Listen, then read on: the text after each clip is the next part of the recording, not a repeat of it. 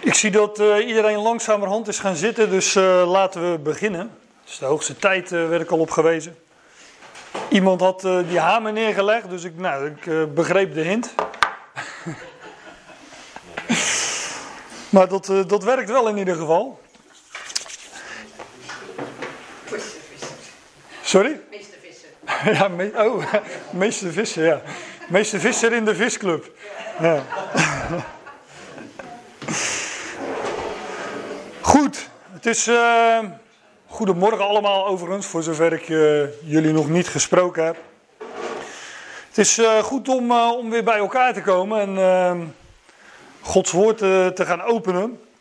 Dat wil ik doen bij ehm, deze geschiedenis.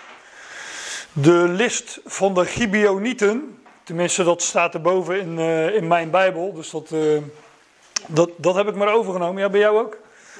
Mooi. En we hebben niet dezelfde Bijbel volgens mij. Dus, uh... Der. Derde Gibeonieten. Ja, dat heb ik. Dat zal. Ja, maar... Dan ga ik het even checken. Ja, dat heb ik ook, ja. ja, ja. Maar uh, dat is een naamval. En, uh, die, jij hebt een vertaling volgens mij uit 1951 en ik uit 1600 nog wat. Dus uh, Statenvertaling en NBG-vertaling. Dus toen, toen sprak men nog wat plechtiger, om het maar zo te zeggen. Maar de list van de Gibeonieten, die geschiedenis vinden we in Jozua 9. En ehm, nou, ik kan me zo voorstellen dat, uh, dat er uh, hier best wat mensen zijn die uh, misschien nog wel nooit van die geschiedenis gehoord hebben. Het zal in ieder geval niet zo zijn dat als jullie straks thuiskomen of je gaat vandaag ergens op de koffie, dat je gevraagd wordt van joh, wat heb je vandaag gedaan? Nou, ik ben naar een bijbelstudie geweest. Waar ging het over? Nou, het ging alweer over de list van de Gibeonieten. Ik denk niet dat jullie dat gaan horen. Het is een tamelijk uh, onbekende geschiedenis. Maar die vinden we in uh, het boek Jozua. En uh, ik zal jullie een vogelvlucht meenemen. Kijk, dus Jozua 9. Dus we gaan een aantal hoofdstukken aan vooraf. En om dat een beetje in, in de context te plaatsen van wanneer vond, vond dit nu plaats. Neem ik jullie even in vogelvlucht mee door die eerste hoofdstukken van Jozua. Jozua, dat is uh, het zesde boek in, in de Bijbel. je hebt eerst de vijf boeken van Mozes en vervolgens het boek Jozua. Um, ja, Mozes ehm, overlijdt ook aan het einde van het boek. hm? Ja, aan het einde van zijn leven. Ja. Maar aan het einde van het boek. De, aan de,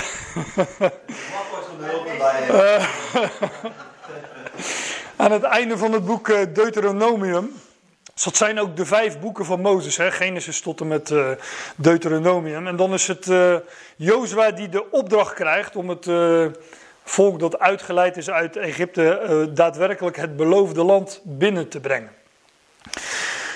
Dan krijgen we dat het land verspied wordt door twee verspieders, die dan terechtkomen in Jericho bij Ragab de Hoer. En ehm, nou ja, bekende geschiedenis ook, denk ik. In hoofdstuk 3 en 4 de doortocht door de Jordaan.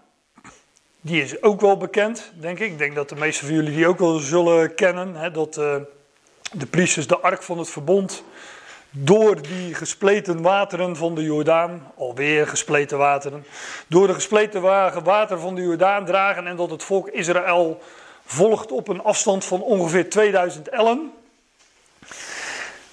Dan uh, komt het volk bij Gilgal. Daar kom ik uh, straks ook nog even op, op Gilgal. En daar wordt het volk besneden. Want in de woestijn werd het volk dus uh, al die jaren niet besneden. Ja, vind ik altijd leuk, want men zegt van ja, die besnijdenis, dat, dat is een hele goede hygiënische maatregel. Dus daarom staat dat in de wet. nou, dan vraag ik me dus af waarom die mensen, die Israëlieten in de woestijn dan niet besneden werden. 40 jaar door die woestijn gebanjerd. Altijd de uh, schaarste van water, hè? daar hebben we ook diverse geschiedenissen over. Nou ja, vul het plaatje zelf maar in. Dat is dus gewoon onzin. De besnijdenis heeft gewoon een betekenis. En daarom werden ze overigens ook bij Gilgal besneden. Want dat is ook niet voor niks. Nou, daar kom ik straks nog wel even op, op die plaatsnaam. Gilgal. Jozua 6. Hele bekende geschiedenis natuurlijk. Misschien wel eh, de bekendste uit dit boek. Eh, de verwoesting en inneming van, van Jericho. Het volk moest zes dagen lang om die, uh, liepen ze een rondje om de stad Jericho. En op de zevende dag liepen ze zeven keer rond Jericho. Dus uh, bij de dertiende keer viel de stad en uh, stortte de muur in. Behalve dat stukje natuurlijk waar Ragab haar huis had. En waar het schalaken koord uit het raam hing. Hoofdstuk 7. Daar wordt ehm, het volk Israël bij AI, ja, ooit. AI. maar nu moeten we geen dingen door elkaar gaan halen natuurlijk. Ja, AI, die afkorting uh, Artificial Intelligence. Maar dit is de stad AI. AI, AI, AI. En um, ja, er zit een heel verhaal achter, want um, Israël, ook die stad hebben ze verspied. Zegt dat goed? Verspied? Is. Uh, ja, daar gingen verspieders naartoe en toen zeiden ze van nou, dat is zo'n klein stadje met 2.000, 3.000. Uh, daar hoeven we niet met heel het volk op uh, naartoe te trekken, want daar worden we toch maar moe van. Maar met een man of 2.000, 3.000 moet dat wel lukken. En toen gingen er uh, 3.000 naartoe en die, ja, die werden verslagen en op de vlucht gejaagd. En dat was vanwege Agans misdaad. En Agan um, was namelijk degene die bij de verovering en inneming van Jericho zich wat dingen had toegeëigend. En dat God had gezegd dat alles wat in uh, dat heel Jericho uh, verwoest zou worden, verbrand moest worden en dat daar um, geen buit van genomen zou worden. Wat later, overigens later, later wel mocht. Maar dat is een bekend principe in de schrift dat al het eerste, dat behoort Yahweh toe. Dus vandaar dat, uh, Agan dat, uh, dat het volk dat niet mocht doen. En Agan deed dat wel. Staat zelfs nog bij wat hij zich toe-eigende. Ik weet het niet uit mijn hoofd, maar dat was voor mij een stuk, een stuk goud en uh, een Babylonisch kleed. Een mooi Babylonisch kleed, zoiets was het. Nou, en dat, dat is de reden dat Israël die stad Ai niet in kon nemen. Kon nemen. En ehm, nou ja, wordt dus ook uh, daarvoor gestraft. En in hoofdstuk 8 wordt hij dus wel ingenomen. En uh, dat, is ook een, uh, dat is ook een geschiedenis apart. Want ik zeg dat nu omdat er straks in hoofdstuk 9 op teruggekomen wordt. Wat het volk doet, is, het is een, we hebben het nu over de list van de Gibeonieten, maar het volk Israël verzon ook een list om de stad Ai in te nemen. Ze gaan naar de stad toe, ik zeg nu even heel kort, en met, uh, met een leger. Vervolgens uh, krijgen ze tegenstand en slaat, slaat het volk Israël op de vlucht. En wat die inwoners van Ai doet, die denken, hé, hey, we hebben ze de eerste keer verslagen, dat gaat dus nu weer lukken. Die gingen er achteraan en die achtervolgden het volk Israël, waardoor de hinderlaag die erachter lag zo de stad vrij kon binnentrekken. Het gedeelte van Israël wat daarachter in hinderlaag lag. Ja, en dan komen we in hoofdstuk 9, en dat is de list van de Gibeonieten. En dat hoofdstuk gaan we dus bespreken. Ik ga niet het hele hoofdstuk eens lezen, want het is best een uh, lang hoofdstuk, 27 versen. Ik werd er gisteren al even op gewezen door mijn moeder, dat is best een lang hoofdstuk. ik zeg, nou, maak je. Nee, nou, ja, ik zeg, nou, dat jassen we er wel even snel doorheen, zoiets zei ik, maar dat gaan we natuurlijk ook niet doen. Maar ja, dit is een, ver, een, een verhaal, hè, een verhalende geschiedenis. We zitten hier niet in uh, een brief van Paulus, zoals ik zeg maar de Efezebrief, waar je echt woord voor woord, uh, waar het heel lichtstellig is. Nee, dit is meer een, een, een, verhaal, maar natuurlijk wel met onder die oppervlakte van die verhaallijn, ja, daar, da, daar liggen natuurlijk wel verborgen betekenissen. En nou, daar wil ik jullie op wijzen, maar. Um, ja, Israël trekt dus dat land verder in. En wat er dan gebeurt, ik vertel het verhaal eerst even kort, zodat jullie in ieder geval, voor degenen die de geschiedenis niet kennen. Er, zijn een, eh, er is een, een, een, een volk, de, de, de, of de inwoners van Gibeon, de Gibeonieten, die hebben zoiets van ja, Eerst Jericho, toen Ai, en die hadden nog meer gehoord, daar getuigen ze ook van. Straks zijn wij aan de beurt. Daar gaan we iets op verzinnen. En toen uh, zijn zij naar uh, Jozua en uh, naar Israël, het volk Israël toegegaan. Met versleten kleren en um, versleten wijnzakken en versleten schoeisel enzovoort. En ze hebben zich voorgedaan als een volk dat van heel ver vandaan kwam. En ehm, ze zeggen van, nou, we, hebben gehoord van de grote daden van God en we willen graag een verbond met jullie sluiten. En uh, nou, dat doet Jozua.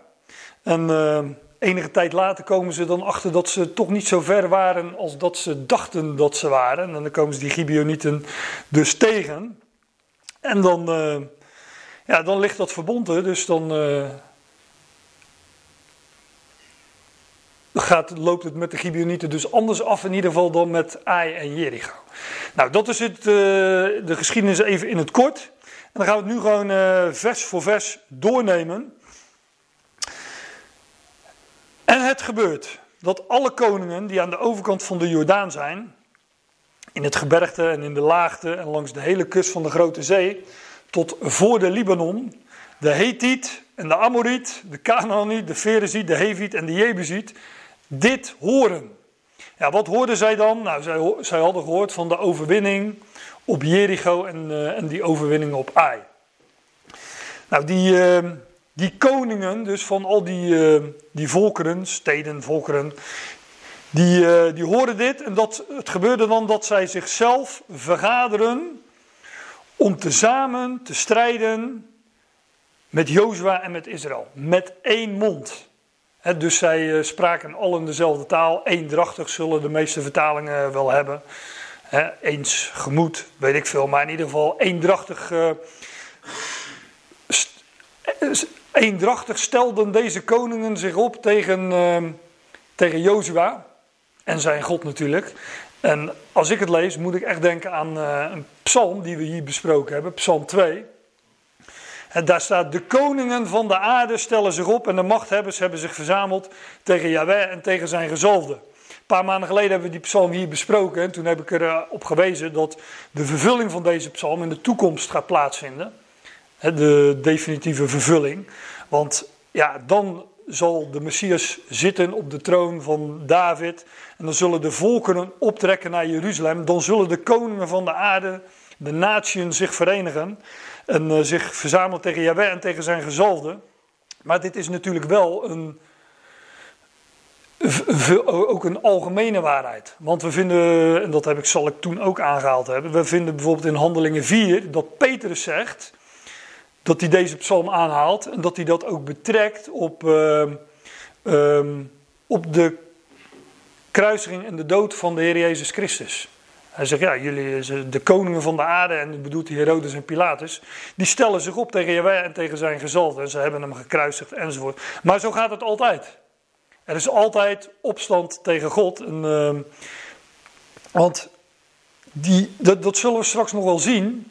Deze lui, deze koningen, die wisten donders goed wat hier aan de hand was. Die wisten dat God Israël dat land gegeven had.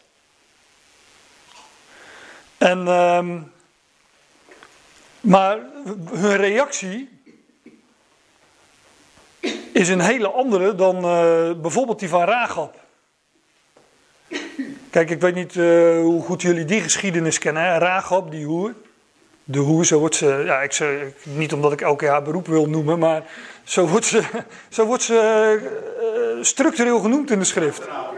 Ja, het zal er achternaam geweest zijn. Beetje vreemde achternaam. Als ik nou echt ethiek wilde bedrijven, dan zou ik nog, af, zou ik nog met jullie kunnen gaan spreken. Wat zouden die twee verspieders nou bij haar gedaan hebben? Want ja, hoe komen ze nou weer in een bordeel terecht? Hè? Dat kan je je ook al vragen. Maar Ragab woonde in, een, in Jericho. En zij was, ja, zij was, het, zij was het gelovig overblijfsel van, uh, van Jericho. En zij was de enige die het overleefde. En uh, zij zegt, ik, ik, ga, ik, lees het gewoon even voor. Dit is, uh, voordat jullie denken, wat, wat spreekt hij plechtig. Dit is de Statenvertaling. Maar dan staat er, zij, Rahab, sprak tot die mannen, die verspieders. Ik weet dat de Heere, Jaweh, u dit land gegeven heeft. En dat uw lieder verschrikking op ons gevallen is. En dat al de inwoners van dit land voor uw lieder aangezicht gesmolten zijn. Want wij hebben gehoord dat de Heere, Jaweh, de wateren der Schelzee uitgedroogd heeft voor jullie aangezicht. Toen gij uit Egypte ging. En wat gij lieden aan de twee koningen der Amorieten, Sion en Og, gedaan hebt. Die op gene zijde van de Jordaan waren, de welke gij lieden verbannen hebt. Als wij dit hoorden, zo versmolt ons hart. En er bestaat geen moed meer in iemand vanwege uw lieder tegenwoordigheid, vanwege jullie aanwezigheid. Want de Heere, Jaweh, jullie God, is een God boven in de hemel en beneden op de aarde. Nou, enzovoorts. Maar Rahab getuigt daar in Jozua 2, vers 9 eh, tot 11, 11 12 heb ik, 9 tot 11 heb ik voorgelezen. Rahab getuigt daar van haar geloof in Jaweh, de God van Israël. En zij zegt dat, dat iedereen daar in dat land die grote daden van God gehoord had. Hè, al dat hij de, de wateren van de Schelzee eh, gespleten had. Dat was, uh, dat was uh, eh, 40 jaar daarvoor geweest natuurlijk. En nou ja, de, ook wat recentere dingen. Maar die, die inwoners van Canaan die wisten dat. En Rahab is degene die... Um, haar reactie was er een van geloof.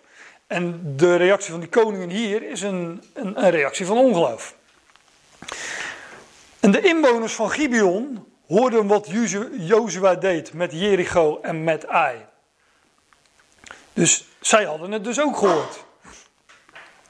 Nou, ik ga gelijk. Uh, ja, ik, ik, dacht, hoe ga ik het doen? Ga ik gewoon het verhaal uh, lezen, doornemen en aan het eind daar wat uh, meer diepere betekenis aan geven. Maar ik doe dat altijd liever gewoon gaandeweg. Dan kunnen we het aan het eind altijd nog een keer uh, samenvatten. Maar Gibeon, dat betekent heuvel of hoogte. dus het waren, deze, deze, het waren niet Israëlieten, maar die kwamen toch van een, uh, van een hoge plaats. Van een verheven plaats, een hoogte, een heuvel en bergen, hoogten, heuvels. Ja, die staan altijd voor, uh, of voor een koninkrijk, hè, eh, of voor een verheven positie.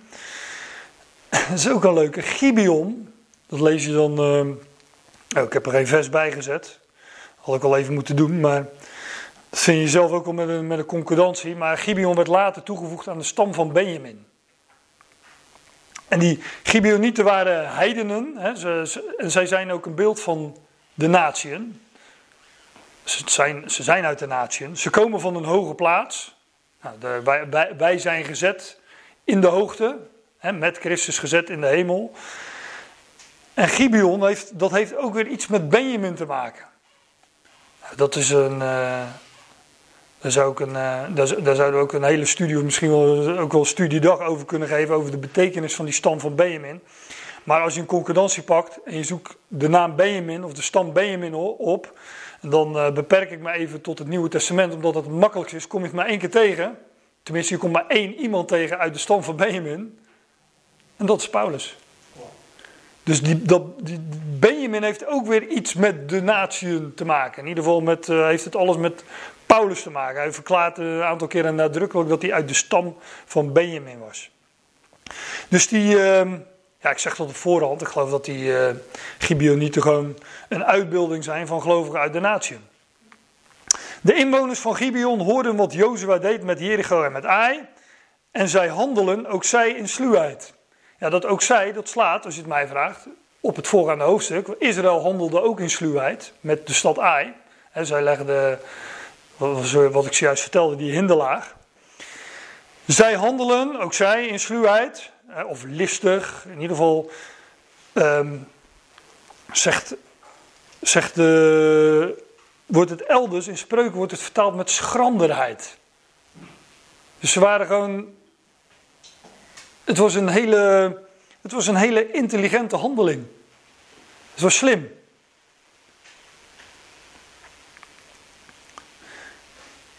Maar ze, ze handelen in sluwheid en wat gaan ze doen? Nou, ze gaan als delegatie, ze verzamelen zich en eh, ze, ze vervaardigen een, eh, een, eh, een delegatie af. En ze nemen versleten zakken voor hun ezels en leren zakken van wijn, die versleten en gescheurd en samengebonden zijn. Het rijmt nog ook. Maar ja, een, een, wat ze, ze doen iets in sluwheid en list. Ze komen onder, undercover, hè, onder een bedekking. Ze komen in het geheim. Ze verbergen iets. Dat heeft toch allemaal met onze huishouding te maken. De huishouding van de verborgenheid. Waarin alles verborgen is. Het geheimen is. De verborgenheid. Nou, ik geloof dat die Gibeonieten daar ook van spreken. Van de gelovigen uit de natieën. Die, uh, ja, die, uh, en het geheimenis, de verborgenheid. Zij handelen, ook zij in sluwheid, en ze gaan als delegatie, ze nemen versleten zakken voor hun ezels. Een ezel, ja, die zegt natuurlijk ook uh, I. Oh nee, IA zegt hij. Omgedraaid. maar ik, uh, ik weet niet meer wanneer het was, maar dat is niet zo heel lang geleden. Um, nou ja, Art vorige week sowieso, die, uh, vertelde wat over die ezel. Maar ik heb dat, uh, ik weet niet meer bij welke studie dat was. Maar toen heb ik ook iets verteld over die ezel. Want een ezel is een, uh, een uitbeelding van geloof en van het gelovig overblijfsel. Daarom heeft hij ook van die grote oren. Ja, oren heeft met het gehoor te maken en het geloof is uit het gehoor. Ja, sommige mensen vinden dit soort dingen altijd een beetje ver gaan, maar ja, wie, heeft nou die, wie heeft nou die ezel gemaakt? Ja. En wie heeft het oor gemaakt dat hoort, zegt de spreuken, en het oog dat ziet enzovoorts. Nou ja, waarom heeft dat beest van die grote oren? Ik denk omdat het een uitbeelding is van geloof. En uh, ja, ik, ik, weet niet of ik dat de vorige keer ook verteld heb, anders uh, val ik in herhaling. Maar ik was ooit, uh, ooit eens op Urk en daar sprak ik over. Ja, dat was rond kerst en toen hadden we een gesprek over het kerststalletje. En nou, dat is al. dat, is niet, dat vind je niet in de Bijbel, maar dan komt men ook al gauw. Ik geloof dat een ezel en een paard in die kerststal horen te staan. Maar toen zei iemand tegen mij: Weet jij dat een ezel een kruis op zijn rug heeft? Dat heb ik toen opgezocht. Daar heb ik later ook nog wel eens een blogje over geschreven. Dat een, um, een ezel, die, uh, dat noemen ze een aalstreep. Die heeft een, dan, dat, dat, dat is een streep in de lengte. En heel veel ezels hebben ook nog zo'n zijstreep. Dus je heeft gewoon een, een, een, lange streep met een zijstreep, met een dwarsstreep op zijn, op zijn rug. En die draagt gewoon een kruis op zijn rug. Dus die ezel, uh, ja, de gelovige bij uitstek is natuurlijk de Heer Jezus Christus. En het geloof van Jezus Christus wordt uitgebeeld in, uh, in die oren van die ezel. En uh, nou ja, wat zegt die ezel ook weer, Art? IA. En dat is de afkorting van de naam van Yahweh. En dat vind je in nogal wat Bijbelse namen. Art heeft vorige week een hele rij uh, genoemd. Zacharia. Um, Azaria. Alles wat eindigt op IA. En het zit ook nog wel eens. Uh, hm? Haggai, ja, er zijn er nogal wat. Dus uh, ja, dat, dat spreekt daarvan. Trouwens, wat, wat ook een, uh, een ezel die kan niet alleen horen, maar uh, ook spreken. Ja. En ik weet niet of jullie de geschiedenis van Biliam goed kennen, maar zoek dat maar eens op. Daar zit Biliam op die ezel en geeft hem van katoen, want die ezel doet niet wat hij wil. Dat is ook. Uh, nou, maar die, die, die ezel die wil niet verder lopen, omdat hij iets ziet wat Biliam niet ziet. Hij ziet namelijk een engel en die verspet hem de weg. Dus die ezel is ook nog eens een wezen dat de geestelijke dingen wel ziet, terwijl Biliam ze niet zag.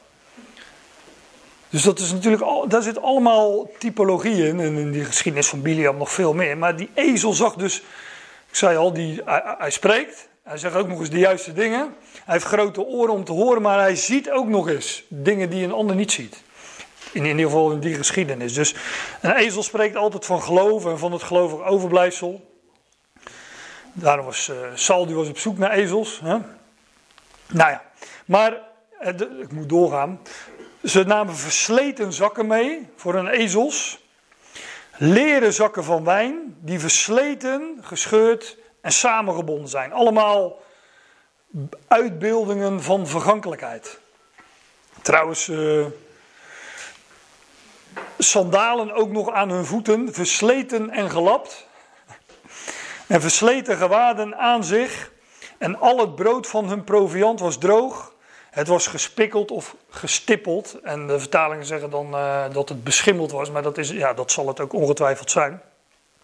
Als je brood te lang laat liggen, komen van die spikkeltjes in. Maar ja, zakken, dat kennen we. Hè? Daar hebben we nog een uitdrukking aan overgehouden. In zak en as zitten. Wat overigens volgens mij ook ontleend is aan de Bijbel. De, als men rouw, rouw, rouwde, dan, uh, als men rouwt, dan droeg men zakken. Dus eh, dat spreekt van rouw en van vergankelijkheid. Het waren ook nog eens versleten zakken. De schoenen spreekt van de wandel. Hè? Dus uh, ja, ook die, dit gaat allemaal over hè, beschimmeld brood. Ze hadden weliswaar, ze hadden brood en wijn bij zich. Maar uh, het was of bedorven, of het raakte op, het was versleten, of de zakken waar ze in zaten konden het niet meer houden. Nou ja, dat, uh, dat vinden we trouwens ook in het Nieuwe Testament. Hè. Jezus zegt op een gegeven moment, dan zeg ik het even geparafraseerd. Er is nieuwe wijn beschikbaar, maar die zouden we niet in oude zakken doen. Dat is een uitbeelding van het oude en het nieuwe verbond. En uh, het oude verbond, die, dus die zakken waarover gesproken wordt in het Nieuwe Testament. Ja, het oude verbond was ook een tijdelijk iets. Beperkt. Voor, hij heeft een, uh, voor, een, voor een specifiek bepaald volk. Voor, ook nog eens voor een bepaalde tijd. Dus zeer vergankelijk. Dus al deze dingen spreken van, uh, van vergankelijkheid. De vergankelijkheid van de mens. Dus deze Gibeonieten, ja, die hadden leven nodig. Nieuwe wijn in nieuwe zakken. Um, anders groeisel. Wat, uh, en, en uh, Johannes de Doper zegt bijvoorbeeld ook iets over de schoenen van de, van de Heer Jezus. Nou, die schoenen had, uh, hadden die Gibeonieten dus ook, uh, ook nodig. En ehm, ja, nieuw brood. Hè? Ze, ze zouden Melchizedek tegen moeten komen. Dat is eigenlijk het verhaal, want die geeft brood en wijn. Dus daar waren ze naar op zoek en ze kwamen Jozua tegen. Nou, dat scheelt niet zo heel veel, Jozua of Melchizedek. En ze gaan naar Jozua, naar de, naar de lege plaats bij Gilgal. En zij zeggen tot hem en tot de man van Israël. Nou, eerst even Jozua. Eigenlijk hoef ik dat niet uit te leggen, maar de naam Jozua is gewoon de naam Jehoshua. En ehm, ja, in zijn naam is hij al dezelfde als de Heer Jezus. En uh, dus in, in, beeld is hij dat ook. En uh, we vinden in, uh, in, in, in, in, het Nieuwe Testament, ik heb dat wel eens opgezocht, het komt nu niet bovendrijven, maar vind je honderden keren de naam Jezus, Iesus in het Grieks. En één keer in Hebreeën is het niet Jezus, maar gaat het over Jozua. En het is gewoon hetzelfde woord. Dus zij zijn in naam dezelfde. En via overzettingen naar verschillende talen komt het nu uh, tot ons als Jozua. Maar het is dezelfde en hij spreekt ook van hem. Hij verwijst naar hem. Hij is degene die het volk het beloofde land binnenleidt. En niet Mozes. Want Mozes, de wet van Mozes. Mozes is de vertegenwoordiger van het oude verbond van de wet. Nou, dat brengt, dat, dat, dat, dat brengt, uh, dat brengt niet in het beloofde land, dat brengt niet in de belofte. Nee, dat, dat zou Jozua doen. Vandaar dat Mozes dat land ook niet uh, in mocht.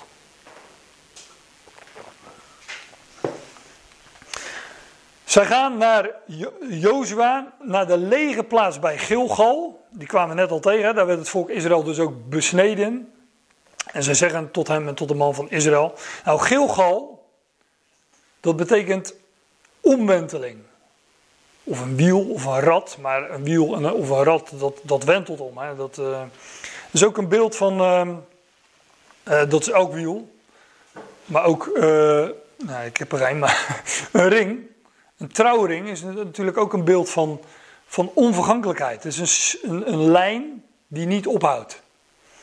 Daar heeft dat alles mee te maken. Dus Gilgal heeft ook met wedergeboorte te maken. En de grootste omwenteling in de geschiedenis, die wordt ook gedemonstreerd in de steen voor het graf, die weggewenteld was. En waar, waar, de waar het graf leeg was, de Heer Jezus Christus was opgestaan vroeg in die morgen. En je vindt ook, dat moet ik eens een keer tellen, bedenk ik me nu. Je vindt ook heel vaak in het boek uh, Jozua dat je staat, en Jozua stond op. Ja, en ook nog eens vroeg in de morgen. Onder andere in, uh, in dat hoofdstuk over uh, de doortocht door de Jordaan vind je dat. Maar ja, dat, ja, nou, dat zijn elke keer verwijzingen inderdaad naar de opstanding van de Jehoshua. Zij gaan naar Jozua, naar de legerplaats bij Gilgal. Dus hier wordt ook alweer gesproken van, van nieuw leven. die Gibeonieten komen tot Jozua als uitbeelder van Christus. Ja, en wat gaan zij ontvangen? Nou ja, bij Gilgal ontvang je nieuw leven. Het volk Israël werd daar besneden. Ja, ook een uitbeelding van de bedekking die het vlees dat wordt weggenomen en iets anders dat zichtbaar uh, wordt. En uh, ja, dat wordt ook, uh, ja, dan gaan we natuurlijk er komen wat in de, hoe zeg je dat? In de biologie, maar als, als het mannelijk lid opstaat, hè, erectie noemen we dat, dan, dan, dan, wordt, dan wordt ook uh, datgene wat zichtbaar gemaakt wordt bij de besnijdenis wordt zichtbaar. Daardoor wordt ook dat vlees weggenomen. Het is een uitbeelding van nieuw leven, van opstanding. Van, uh, ook de, en, en daarom kreeg Abraham het teken van de besnijdenis als bevestiging van de beloften. Dus elke keer als hij, ja, als hij zijn, uh, zijn eigen lichaam aanzag, laat ik het uh, een beetje eufemistisch zeggen, dan werd hij daaraan herinnerd, aan de beloften die God hem gedaan had. Nou, ze gaan naar Jozua, naar de legerplaats bij Gilgal, en zij zeggen tot hem en tot de man van Israël: Wij komen van een verre land, van een ver land, en nu maak met ons een verbond. Ja, en als je nu, uh, als je nu ethiek gaat bedrijven, dan denk je van Tja, uh, dat is niet eerlijk wat ze gezegd. Wel, dat, dat, was een leugen. Dat is nog maar een vraag natuurlijk. Maar um, dat, is wel leuk. Het woord verbond vind je vijf keer in deze geschiedenis. Dus um, vijf, het getal van, ook van verborgenheid en van genade. En um, hier komen Gibeonieten en die, uh, die willen graag een verbond met, uh, met Jozua sluiten komen heidenen, die willen graag deel hebben aan Jozua. Ik zeg het allemaal een beetje dubbelzinnig. Die willen graag deel hebben aan Jozua en die zeggen maak met onze verbond. Nou, letterlijk kwamen ze niet van een ver land. Ik zet er een vraagteken achter, want dat is nog maar de vraag. Dat zullen we straks uh, nog wel zien. Het is natuurlijk een betrekkelijk iets, hè, of iets ver is, ja of nee. Straks zullen we zien hoe lang ze erover gedaan hebben. En uh, ja, ik zal het vast verklappen, het was een reis van drie dagen. Nou, in drie dagen kan je toch van, van ver komen. Ja, zij moesten lopen, hè, als wij de auto pakken, in drie dagen kom je een heel eind. Of het vliegtuig. nou, dan ben je ongeveer drie keer terug op je, op je eigen... Maar zij zeggen, zij zeggen in ieder geval, we komen van een ver land. En dat, uh, nou ja. Maar, dat, dat van verre komen, verre zijn, dat, dat vinden we ook terug in de schrift. Als het gaat over de natieën. Dit waren Gibeonieten en die zeggen, ja, wij, wij komen van verre. Nou ja, um, of dat letterlijk waar is, dat mogen jullie zelf uh, iets van vinden. Maar we, we, gaan natuurlijk een steekje dieper. En Paulus zegt in uh, Efeze tot de gelovigen uit de natieën, hij zegt, herinner je daarom dat jullie eens de natieën in het vlees Eigenlijk zou je dit helemaal kunnen lezen en dan zou je kunnen zeggen: Herinner je daarom dat jullie eens Gibeonieten in het vlees vooruit genoemd werden door de zogenoemde besnijdenis, die in het vlees met handen geschiet? Ja, eigenlijk, eh, als ik dit gedeelte helemaal uit ga leggen, dan eh, zijn we daar wel even mee bezig. Maar Paulus zegt gewoon: Ja, jullie waren eens natieën en jullie werden door de besnijdenis, werden jullie enigszins denigrerend vooruit genoemd. En want dat was het verschil. En dan zegt hij, nou ja, die besnijdenis is dus ook maar uh, de besnijdenis die in het vlees met handen geschiet. Want ook dat, dat zei ik zojuist al, is natuurlijk, heeft een geestelijke, diepere betekenis. Hè? Als het alleen maar gaat om dat stukje vooruit wegnemen, ja, dat, uh, zoveel betekent dat nou ook weer niet, zegt Paulus. Als je de, de ware betekenis ervan niet kent. Herinner je dat jullie in die periode los van uh, Jozua waren, uh, Christus? Hè, Gibeonieten, jullie waren in die periode los van Jozua. Maar het gaat over de gelovigen uit de natie, dat jullie in die periode los van Christus waren. Vervreemd of vreemd van het burgerrecht of burgerschap van Israël. Ja, zij hoorden niet tot Israël, zij behoorden tot, ja, tot de Kanaanieten. En gasten van de verbonden van de belofte. Dus zij stonden aan de kant. Net als die Gibeonieten aan de kant stonden. Zonder hoop en zonder God in de wereld. Nou, dat kun je wel zeggen, want die Gibeonieten die hadden geen hoop. Die, sterker nog, die wisten wat God met, via Jozua en Israël Jericho en Ai had, uh, wat daar, hoe het daarmee was afgelopen. Dus ze waren zonder hoop en zonder God in de wereld. Dan kan je al zeggen van ja, mocht dat dan wel, dat ze zo'n uh, leugentje om best wil of zo'n list verzonnen, mocht dat dan wel? Nou, als je de dood in de ogen kijkt in oorlogstijd, dan uh, maakt een kat in het nauw rare sprongen toch? Ik, ja, ik, zij, ja, ik, zo, gek, zo gek waren zij niet, denk ik dan. Er waren wellicht ook andere oplossingen geweest. Dus al, weet ik veel, uh, ja, verzin het maar. Bidstond kunnen houden of zo. Of, uh, nee, maar zij pakten, nou, zij, pakken, zij, zij gewoon iets, een praktische list. En, uh, het gaat, kijk, wij, het, is allemaal, het is allemaal gebeurd. En, wij hoeven dat niet ethisch te benaderen. Wij, wij zouden gewoon zien wat de betekenis daarvan is. Maar nu, in Christus Jezus, Gibeonieten, nu in Jozua Gibeonieten, zijn jullie die eens veraf waren, ze waren veraf, dichtbij gekomen door het bloed van Christus. zoals wij dichtbij gekomen zijn door het bloed van Christus, wij gelovigen uit de natie. We waren veraf, we stonden buiten, we waren los van Christus, vervreemd van het burgerrecht van Israël, gasten van de verbonden van de belofte, zonder hoop, zonder God in de wereld. Maar die eens veraf waren, zijn nu dichtbij gekomen. Want Hij is onze vrede. Christus is onze vrede. En vrede gaat over verzoening en eenmaking. Dat staat er ook achter, die de beide een maakt. En de middenmuur van de stenen omheining afbreekt, de vijandschap in zijn vlees. Dus Christus heeft de vijandschap weggebroken. En als ik nu de Efezebrief zou bespreken, zou ik zeggen: er was in die tijd in de tempel een scheidende middenmuur. Waarin een bepaald gedeelte was, waar, dat was nog in de tijd van het Nieuwe Testament, zeg maar, waar een bepaald gedeelte was waar Joden wel mochten komen, maar de gelovigen, ook de gelovigen uit de natie niet, op straffen des doods. En Paulus die verklaart aan de hand van die symboliek dat ook die middenmuur nu weggebroken is. En later zou natuurlijk gewoon die hele tempel weggebroken worden als uh, symbool daarvan. Maar ja, ik heb de Efezebrief wel eens besproken, dus uh, ga nu even door. Hij, hij is onze vrede, maar deze Gibeonieten gaan vrede sluiten met Jozua. Een verbond des vredes. Hij is onze vrede die de beide een maakt en de middenmuur van de stenen omheining afbreekt. De vijandschap in zijn vlees.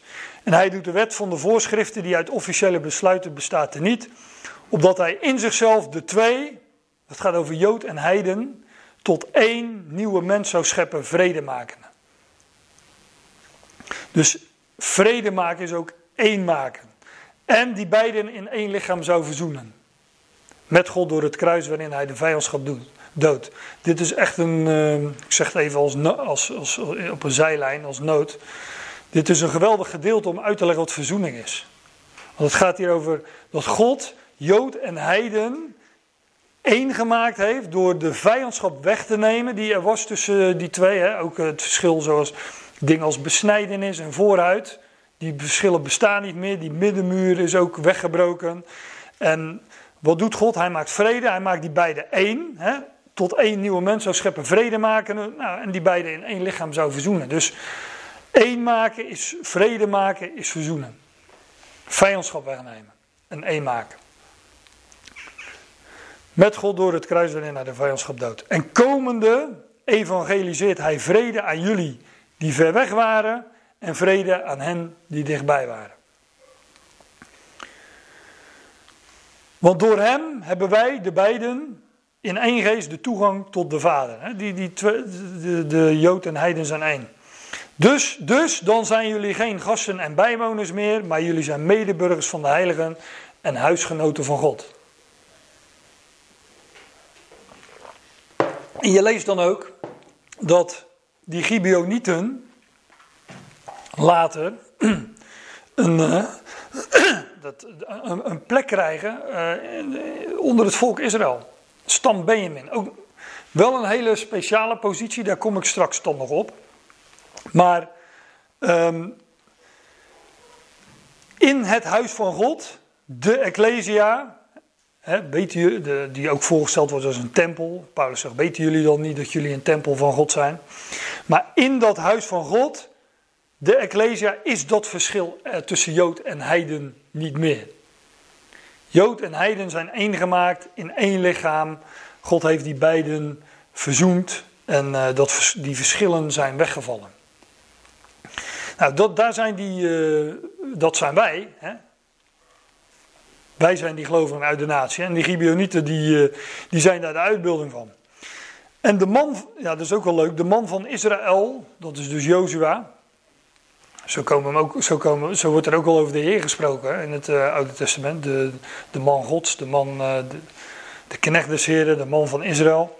De man van Israël zei tot de Hevieten, blijkbaar waren die Gibeonieten dus weer een, um, een, een, een, ja, die behoorden tot de stam van de Hevieten. Dus een Gibeoniet is een Heviet, maar niet elke Heviet is een Gibeoniet. Zoiets. maar die, uh, dat waren dus blijkbaar Hevieten. Misschien, uh, ja dat is wel leuk. De man van Israël zei tot de Hevieten, misschien wonen jullie in het midden van ons en hoe zal ik met, met jou een verbond maken? Ik denk dus dat Jozua, ja, je, je begint, als je het leest, dan denk je toch van nou, hij vermoedde in ieder geval wel iets, zou je bijna denken. En toch heeft hij een verbond met ze gemaakt. Dat apart toch?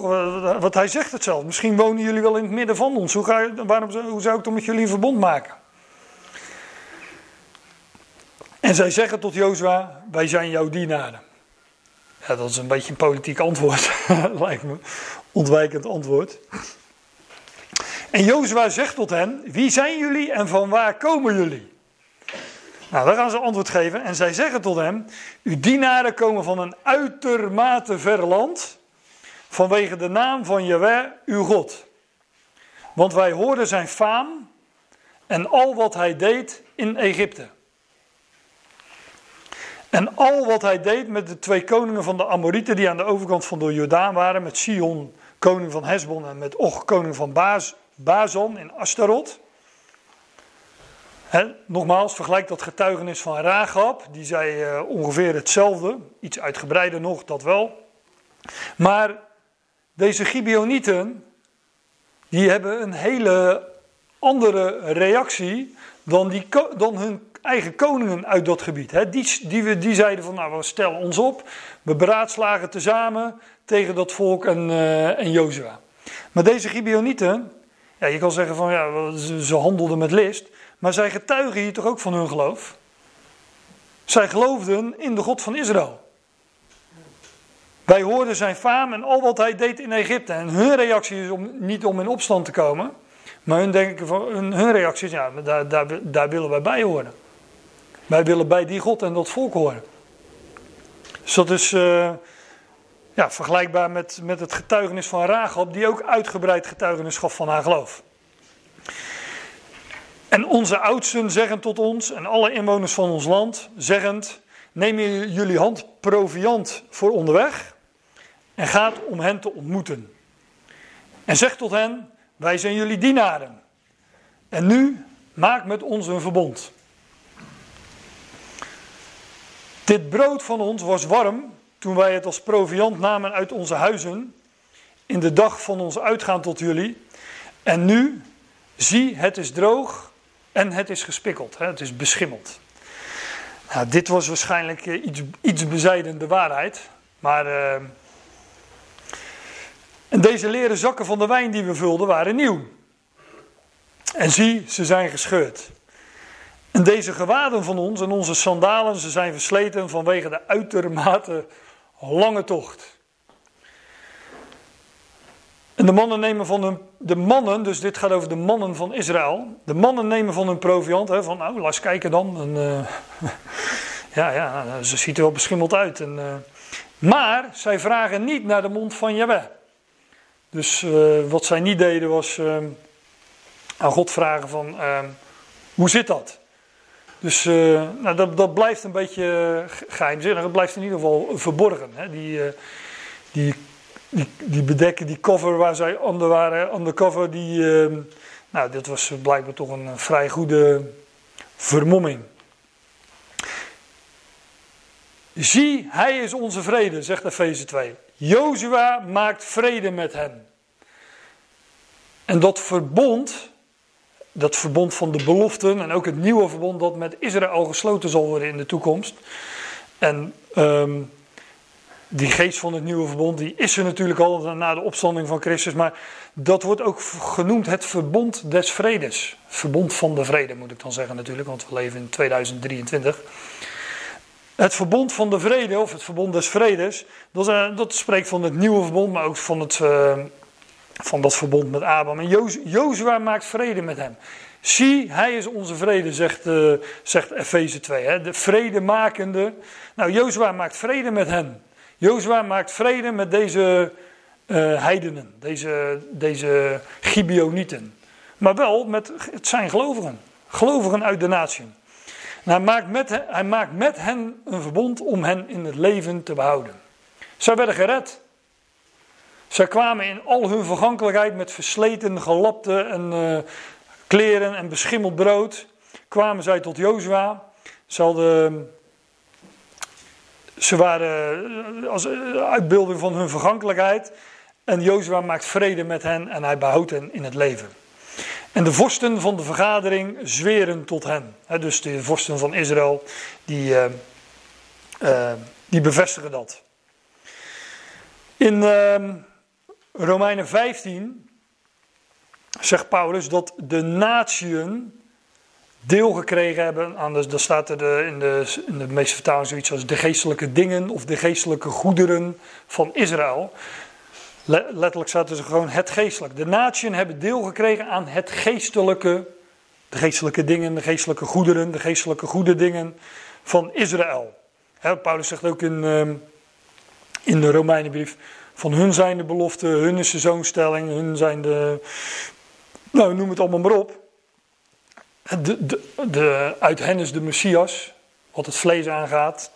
Nou, de natie hebben deel gekregen aan het geestelijke van, van Israël, zegt Paulus in Romeinen 15. En zo krijgen hier die Gibeonieten deel aan uh, de vrede die Jozua met, met hen maakt en aan de zegeningen van, uh, van Israël.